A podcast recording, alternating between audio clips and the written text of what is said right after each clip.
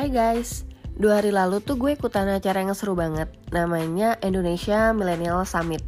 Acara ini dibuat oleh IDN Media yang membawahi IDN Times dan juga Popbella Nah apa aja sih hal-hal menarik yang gue dapatkan dari summit ini? Let's figure it out And welcome back to my podcast. Rada Puluhan with Mega Kristi dalam episode Indonesia Millennial Summit 2020 Indonesia Millennial Summit ini merupakan agenda tahunan dari IDN Media. Tapi ini tuh kayak baru tahun kedua gitu loh guys, karena pertama kali mereka bikin IMS adalah tahun 2019 dan gue tuh nggak aware sama event ini. Jadi begitu tahun 2020 gue diundang dan gue lihat line upnya menarik, akhirnya gue komit untuk datang dua hari Jumat dan Sabtu dari pagi sampai sore. Di IMS ini terbagi menjadi empat kelas, yaitu Visionary Leaders. Dari namanya aja kita udah tahu ya bahwa Kelas ini diisi oleh para inspiring leaders yang menceritakan mengenai karirnya mereka, mengenai pengalaman mereka selama menjabat suatu posisi tertentu, mengenai program-program yang mereka buat, sampai dengan ide-ide mereka untuk Indonesia di masa mendatang gitu kan.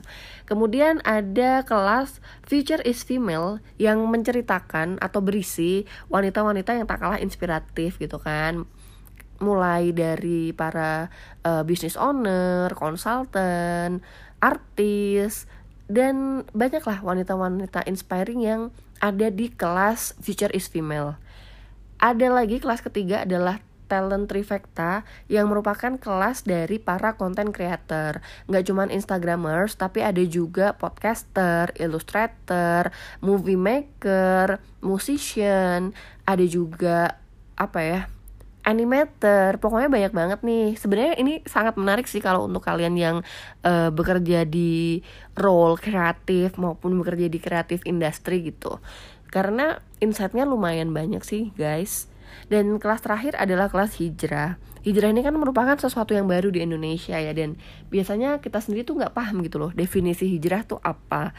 Nah di kelas hijrah ini dibahas lebih lanjut mengenai hijrah uh, dan juga halal thing dan juga menceritakan tentang industri saat ini yang mengarah uh, terkait sama sertifikasi halal di Indonesia. Jadi kelas-kelas yang ada di hijrah ini um, cukup menarik karena ada ngomongin tentang halal produk, halal industri dan juga banyak hal yang perlu kita pahami sendiri dari kata hijrah itu. Nah, kalau gue dari empat kelas ini yang banyak gue ikuti adalah kelas-kelas di Visionary Leaders dan juga Future is Female. Karena memang gue merasa bahwa gue butuh sosok inspiratif yang memberikan gue insight. Karena dengan ikut conference kayak gini ya guys kayaknya sering banget gue mendapatkan aha moment dari menyimak penuturan para pembicaranya. Sementara kalau untuk kelas Future is Female gue suka karena memang Future of Female ini eh Future is Female ini berisi wanita-wanita inspiratif. Ada yang dari beauty ada yang dari fashion gitu kan. Jadi gue pengen tahu sih para wanita-wanita ini tuh pola pikirnya kayak gimana sih sehingga membentuk diri mereka yang sekarang. Nah di Visionary Leaders pembicaranya tuh kayak kece sih guys. Ada Pak Erick Thohir kemudian ada Pak Wisnu Tama ada Pak Ganjar ada Bu Risma Bu Mari Elka Pangestu bahkan ada juga CEO CEO dari respected respectable company. Kayak misalnya CEO dari Unilever kemudian ada yang gue suka banget ada CEO dari Sido Muncul Pak Irwan. Ini kocak banget bapaknya. Ada CEO dari Indofood Pak Axton Salim.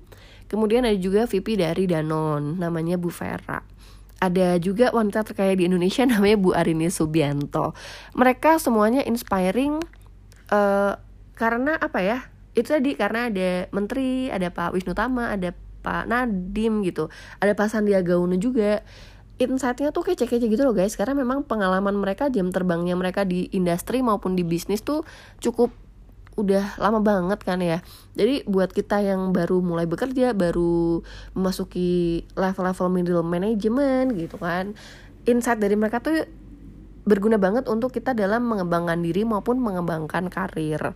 Dan tiga keyword yang gue dapatkan dari conference kemarin itu adalah purpose, yang kedua fulfilling, dan yang ketiga adalah sustaining. purpose, fulfill, sustain. Entah kenapa dari banyak sesi pembicara yang dibawa adalah tiga hal ini mulu. Jadi malam ini, malam ini karena gue bikinnya malam ya jadinya gue bilangnya malam ini. Malam ini gue pengen menyampaikan uh, apa ya explanation dari ketiga keyword yang sering banget disebut di Indonesia Millennial Summit.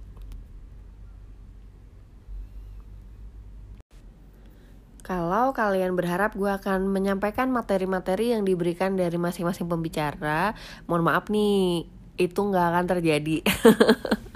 Karena kalau kalian pengen tahu materi pembicaranya seperti apa, silahkan langsung dilihat di IDN Times karena di sana lengkap banget. Mereka juga cerita apa aja yang disampaikan oleh para pembicara atau pemateri. Nah, IDN Times juga punya millennials report yang cukup menarik karena mereka menyampaikan ternyata ada loh tujuh tipe millennials yang uh, mereka teliti. Dari situ ada apa ya? Tipikal millennials, kemudian sifat-sifatnya mereka seperti apa, aspirasinya kayak apa, behaviornya kayak apa. Menarik banget untuk dibaca. So, cus langsung ke IDN Times untuk tahu lebih banyak mengenai Millennials Report maupun materi-materi dari para pembicara di IMS.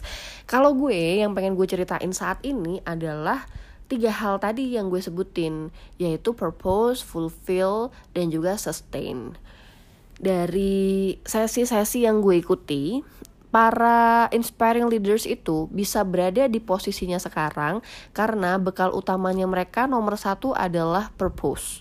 Jadi secara individu lo tuh udah punya life purpose. Secara business owner maupun secara employee lo tuh punya business purpose maupun career purpose, ya kan? Dan yang terakhir, ketika lo memiliki brand dan lo pengen brand lo maju, lo juga harus punya brand purpose-nya itu seperti apa sih? Kita bahas satu-satu ya, life purpose biasanya nih orang-orang yang menjadi leaders itu adalah mereka yang setidaknya memiliki sifat koleris. Kan kalau kalian pernah baca di ISC ya, sifat-sifat manusia berdasarkan DISC itu ada yang dominan, ada yang influence, ada yang apa ya S tuh stable atau apa gitu lupa gue kalau yang S tapi setidaknya steady stable gitulah ya. Dan yang terakhir adalah sehat comply. Nah masing-masing orang itu punya empat hal ini guys. Tapi mana yang paling menonjol itu yang membedakan satu sama lain. Kalau leader setidaknya tuh mereka pasti punya uh, cukup banyak dominan level gitu kan Nah, biasanya orang-orang yang dominan mereka tuh hidupnya lebih visioner gitu. Mereka tahu ke depannya mau jadi apa. Kalau di breakdown ke diri kita sendiri, biasanya dari dalam diri kita tuh udah punya tujuan hidup gitu. Lo tuh hidup mau jadi apa sih? Seperti cara gampangnya adalah lo punya cita-cita gitu. Ketika lo punya cita-cita, lo akan tahu cara mengarahkan diri lo ke cita-cita tersebut. Ibaratnya lo naik Gojek gitu kan lo naik gojek aja udah harus tahu kan mau ke mana gitu Begitupun juga dalam hidup, lo tuh udah harus tahu mau ke mana. Itu hal yang basic banget yang lo harus miliki sebagai seorang individu. Kalaupun pada akhirnya lo ngerasa gue nggak tahu nih life purpose gue apa ya, coba deh pelan-pelan cari. Misalnya lo ngelihat diri lo tiga tahun lagi, lima tahun lagi, 10 tahun lagi tuh mau jadi apa dengan begini dengan lo punya tujuan dan arah hidup lo tuh akan berusaha untuk membuat small step ataupun strategi untuk mencapainya gitu. Dan itu adalah hal dasar model utama seorang pemimpin. Mereka tahu life purpose-nya mereka apa. Walaupun kadang ya life purpose itu bisa meleset. Misalnya kayak Pak Ganjar gitu kan. Beliau dulu kan sekolahnya sarjana hukum uh, sekolahnya di Fakultas Hukum di Universitas Gajah Mada gitu kan. Waktu beliau menjadi mahasiswa mungkin beliau juga nggak kepikiran gitu loh untuk menjadi seorang politician. Karena beliau sendiri aja adalah tukang demo gitu. Jadi ketika lulus dari UGM beliau malah menjadi uh, staf HRD di suatu perusahaan.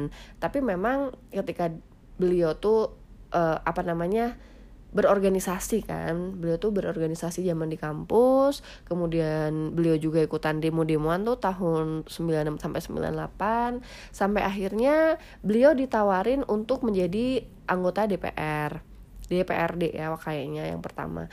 Tapi waktu yang pertama itu beliau menolak gitu kan. Tapi akhirnya di tahun 99 gitu beliau menjadi anggota legislatif. Nah dari situlah mulai karir politiknya berjalan gitu walaupun di awal apa yang beliau cita-citakan dan pada akhirnya beliau yang sekarang itu kayak berbeda, tapi setidaknya beliau memiliki life purpose. Dia kuliah, dia mau perubahan dalam hidupnya dan setelah lulus kuliah dia mau jadi apa.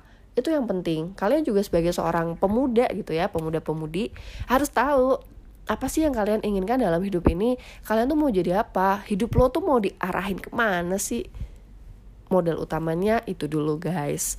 Nah, ketika kita mulai bekerja nih, atau kalian pengen jadi entrepreneur, karena kan sekarang millennials tuh pengennya jadi entrepreneur gitu ya. Attitude yang harus kalian miliki adalah kalian tuh tahu atau punya yang bernama karir um, purpose maupun business purpose. Misalkan gue tuh karir purpose-nya tadi ya simple aja. Uh, gue pengen jadi marketing manager waktu itu, waktu baru lulus kuliah gitu kan oke okay, gue mau jadi marketing manager. Gimana sih caranya hidup gue biar ke arah sana gitu? Nih ada juga nih kata dokter gue. Sebenarnya ketika lo tuh punya purpose dalam hidup dan lo tuh selalu bertanya tiap pagi gimana caranya gue untuk mencapai tujuan karir gue? Gimana sih caranya biar gue bisa bikin um, bisnis ini tuh lebih mudah? Gitu loh. Bagaimana gue caranya memulai bisnis? Maka otak lo tuh guys akan terangsang untuk mencari jawaban, mencari cara untuk mengembangkan, mendapatkan apa yang lo pikirin.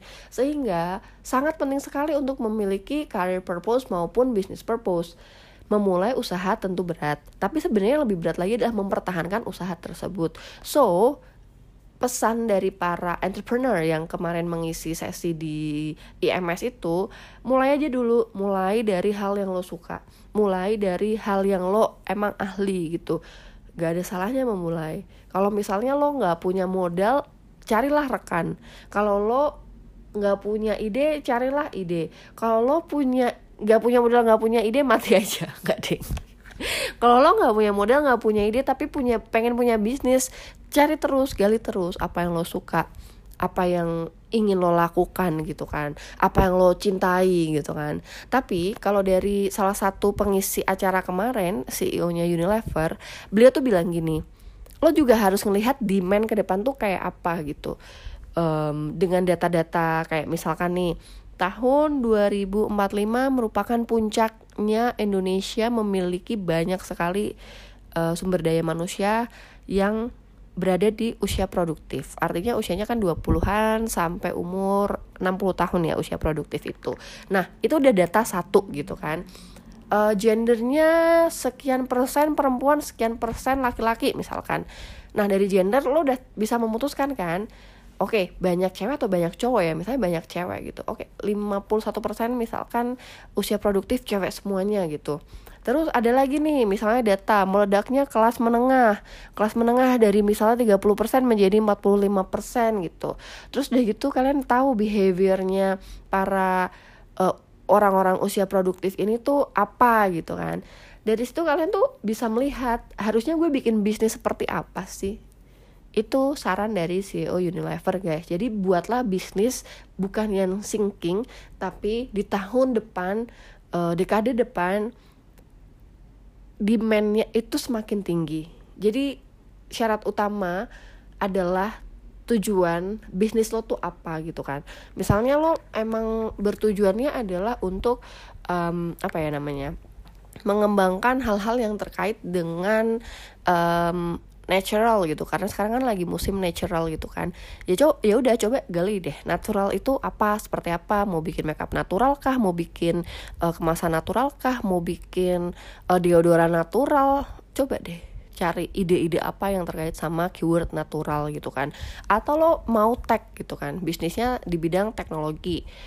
Kalau e-commerce kan udah banyak nih udah terbentuk raksasanya gitu kan. Terus untuk uh, high rate itu juga high ride gitu kan juga udah banyak nih ada Uber dulu terus hilang ada Gojek ada Grab dan juga udah mulai mengerucut kan kalau si hailing apps ini kemudian Nah, lo cari lagi deh fintech gitu. Apakah fintech masih akan berkembang atau mungkin lo mencari tren-tren baru?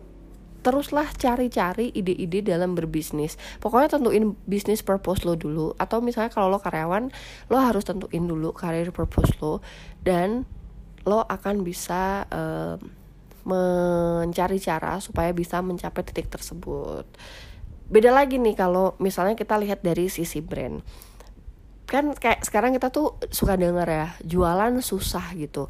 Padahal kadang kita sebagai customer juga dihadapkan dengan banyak sekali pilihan. Nah, gimana sih supaya brand kita tuh stand out dari other dari other brand atau dari kompetitor kita? Nah, turns out behavior anak zaman sekarang mereka tuh not just buying the product but also the story, the value. Maka penting banget untuk sebuah brand tahu brand purpose-nya dia tuh apa. Kalau misalnya nih lo jualan baju lah ya misalkan. Lo jelas gitu batik dengan tujuan untuk melestarikan para pekerja batik rumahan. Then you start from here ceritakanlah tentang batik, tulis, ceritakanlah tentang industri rumahan, kemudian buatlah konten-konten yang menarik dan apa pun activity lo harus selalu bersinggungan dengan purpose dari brand lo gitu. Jadi lo batik, lo ingin melestarikan budaya dan juga membantu uh, para pembuat batik rumahan gitu ya jadi activity yang lo harus lakukan related sama dua hal itu. Cerita-cerita atau komunikasi lo terhadap uh, customer lo juga harus membawa dua hal itu gitu. Jangan lo promosinya tentang batik rumahan tapi kemudian lo uh, sponsorin acara party gitu. Kadang agak nggak nyambung kan. Terus lo pakai influencer influencernya bukan influencer influencer yang mengangkat isu-isu budaya tapi lo kasih ke influencer yang ngebahasnya tentang apa ya misalkan tentang bayi gitu. Jadi agak nggak nyambung kan. Brand purpose ini harus dibuat di set sehingga lo jadi lebih konsisten gitu. Itu tadi yang terkait sama purpose Hal kedua yang sering dimention maupun didiskusikan di kelas-kelas IMS kemarin adalah fulfilling. Artinya fulfilling itu adalah making someone satisfied or happy because of fully developing their character or abilities.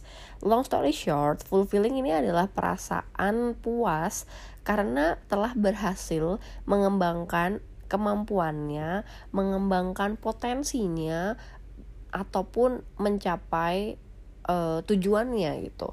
Kalau dikaitkan sama yang pertama tadi purpose adalah ketika lo sudah memiliki tujuan dalam hidup, ketika lo udah memiliki tujuan dalam karir maupun berbisnis, lo tuh jadi akan menemukan passion dalam prosesnya gitu loh guys. Ketika lo udah berhasil menemukan passion dalam proses lo berkarir maupun berbisnis, maka lo tuh akan tahu lo tuh kuat di mana lo tuh lemah di mana uh, gimana lo dapat mengembangkan kelebihan-kelebihan lo sehingga pada akhirnya membantu lo untuk mengusahakan atau mengupayakan dalam pencapaian-pencapaian tujuan tersebut. Nah, for some person ketika membicarakan bisnis gitu ya, keuntungannya mungkin yang dia ingin capai pertama adalah keuntungan dari segi komersial atau duit. Nah, ketika lo berkarir pun tujuan yang pertama lo capai lo ingin capai misalnya adalah naik level gitu kan. Dengan lo udah tahu tujuan lo ke mana lo tahu passion lo apa lo tahu kelemahan kelebihan lo dan bagaimana cara mengoptimalkan kemampuan lo gitu lo tuh akan uh, berjalan terus ke arah tujuan tersebut gitu kan. Dan ketika lo udah mencapai posisi yang lo inginkan ketika lo udah achieve goals yang lo set di awal tadi lo tuh akan ngerasa fulfilling lo akan puas terhadap pencapaian-pencapaian lo. Hidup lo tuh akan terasa lebih bermakna lebih konten karena lo tahu gitu bahwa hal-hal apa yang bikin lo puas hal-hal apa yang bisa bikin lo happy. Di level selanjutnya fulfilling itu nggak cuman sekedar achieving your goals. Tapi untuk milenial sekarang ternyata nggak hanya sampai pada keuntungan komersial guys. Banyak orang yang sekarang ingin mendapatkan atau mencapai yang namanya social impact. Dalam bekerja orang tuh akan mikirin gitu kan social impact kita terhadap lingkungan sekitar tuh apa? Apalagi ketika lo berbisnis gitu kan. Social impact yang lo bisa create dari bisnis ini tuh apa dan ketika lo udah bisa fulfill keinginan-keinginan atau hasrat lo itu tadi terkait dengan social impact lo bisa merasa lebih puas lagi karena social impact ini gimana ya guys? Lately emang menjadi topik yang seksi banget karena kayak gue pribadi ya ketika basic need gue untuk mendapatkan duit dan untuk mendapatkan jenjang karir udah terpenuhi, selanjutnya adalah gue pengen making social impact.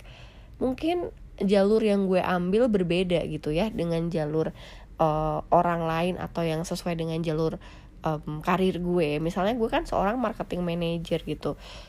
Keinginan gue adalah dengan experience yang gue miliki gue pengen memberikan ilmu gue kepada younger generation.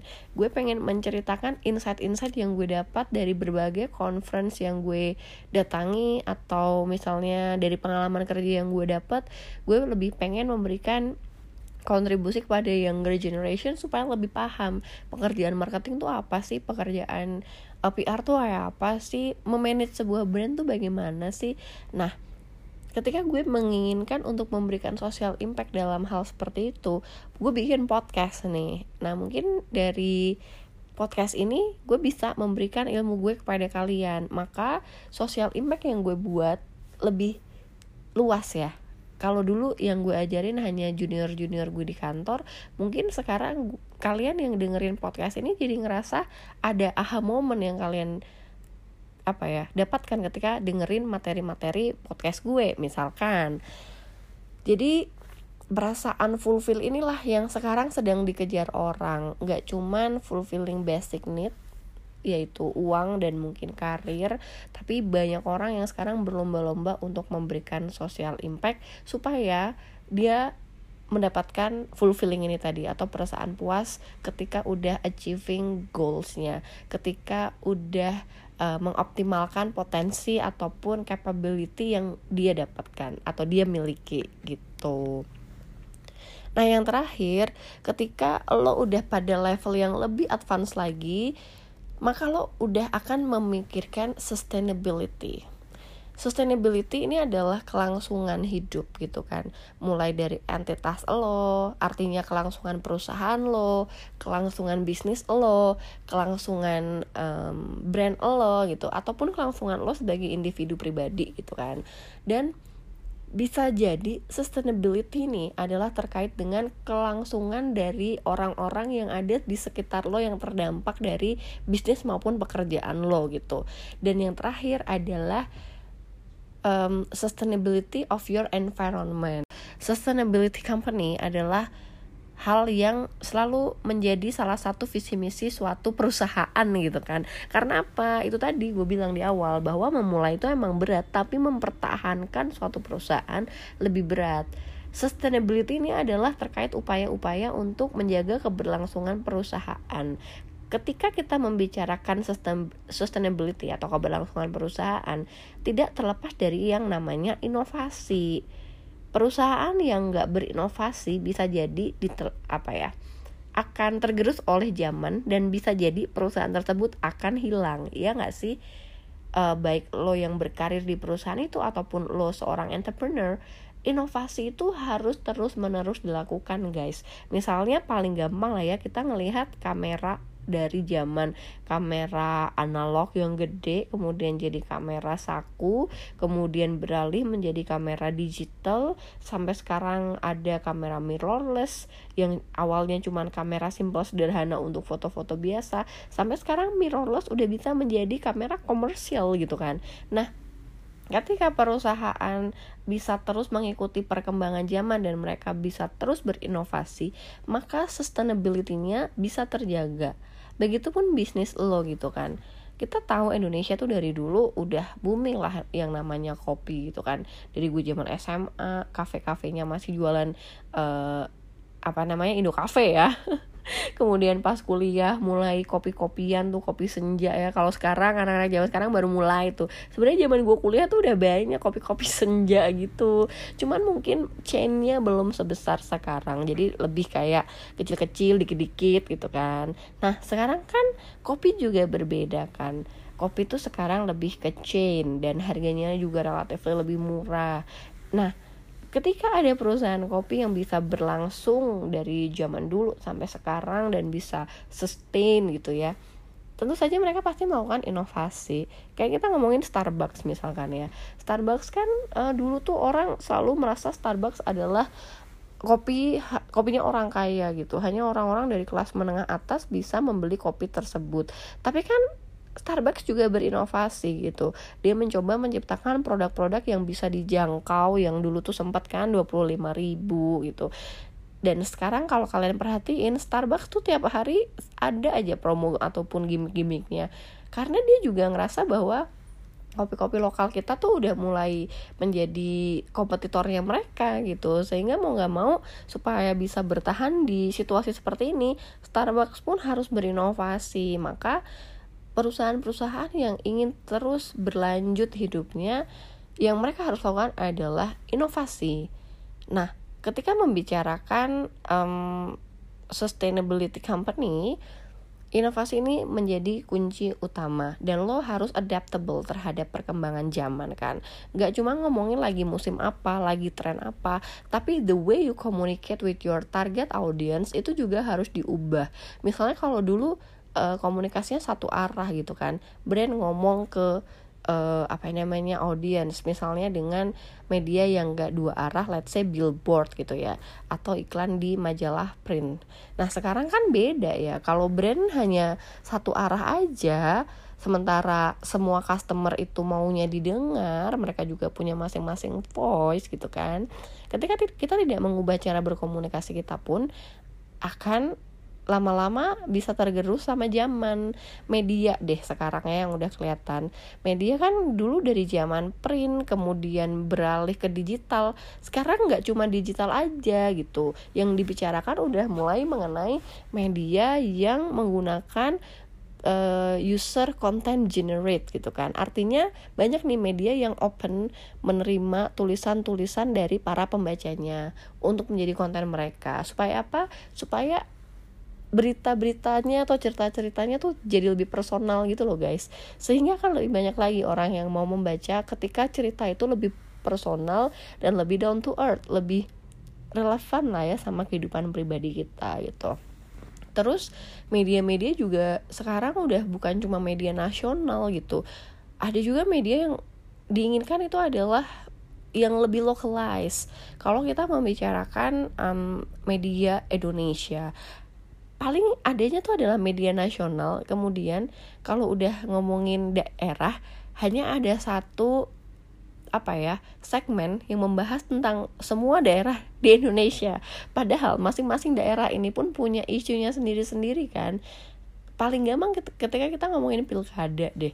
Pilkada yang disorot tuh cuma Jakarta. Padahal orang-orang daerah juga perlu mengetahui calon-calonnya mereka tuh seperti apa program-programnya calon mereka tuh seperti apa.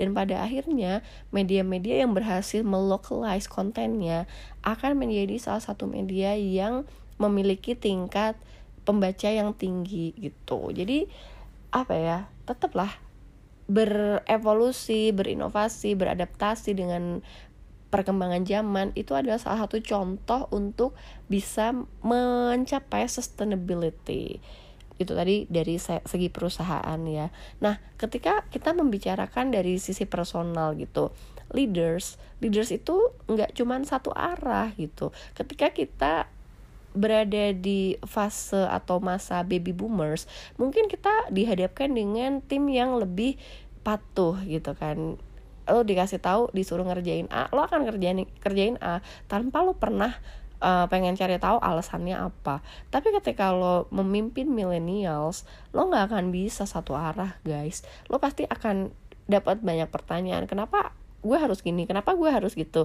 Kenapa kita nggak coba caranya kenapa kita nggak coba cara itu? Sebagai seorang leaders pun tentu kita harus menyesuaikan dengan style tim kita tanpa kehilangan root kita ya. Ini hanya masalah untuk keeping ourselves relevant gitu. Jadi nggak bisa tuh sekarang kita jadi sosok yang dominan yang otoriter gitu kan. Kabur semua nanti pekerja kita kabur nanti semua tim kita gitu. Maka sebagai seorang leaders pun kita harus lebih mendengar gitu. Yang di bawah ini gimana sih? Kita harus tahu kebutuhan mereka. Kita juga harus tahu keinginan mereka. Dengan lebih paham tentang um, our team dengan mungkin pekerja kita kalau buat yang udah punya usaha ya dan mencari tahu motivasi mereka bekerja apa lebih memahami cara berkomunikasi yang efektif dengan tim kita seperti apa apalagi kepala daerah gitu kan. Bahkan Pak Ganjar cerita ini bukan masalah e, lagi cara berkomunikasi dengan timnya tapi cara berkomunikasi dengan rakyat gitu kan. Pak Ganjar kan tipenya menganalisa kemudian langsung cepat mengeksekusi gitu kan guys.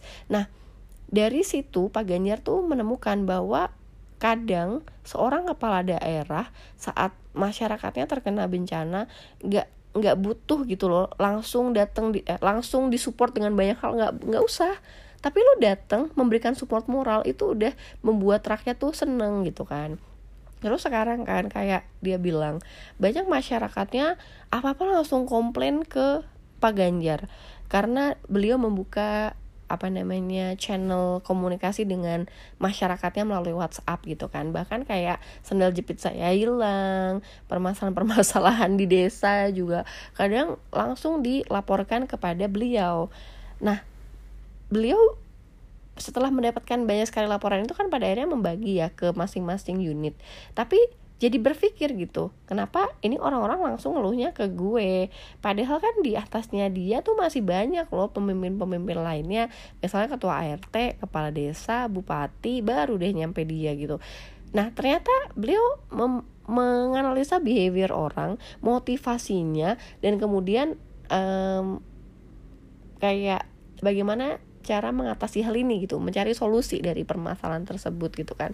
Sehingga kalau Pak Ganjar menjawab itu semuanya beliau pasti akan die gitu kan. Akhirnya dia mencari cara supaya para pemimpin di bawah jajarannya dia itu bisa lebih dekat ke masyarakat mereka tahu root cause-nya mereka tahu cari solusi untuk masyarakat tersebut gitu kan. Sehingga setelah menganalisa root cause Pak Ganjar menemukan bahwa cara yang lebih efektif adalah ya tim jajarannya harus sedekat itu kepada rakyat gitu kan.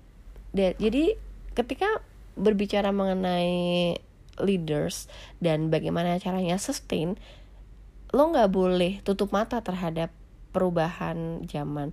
Lo nggak boleh tutup mata terhadap voice dari tim lo maupun dari pekerja lo dari rakyat lo gitu kan.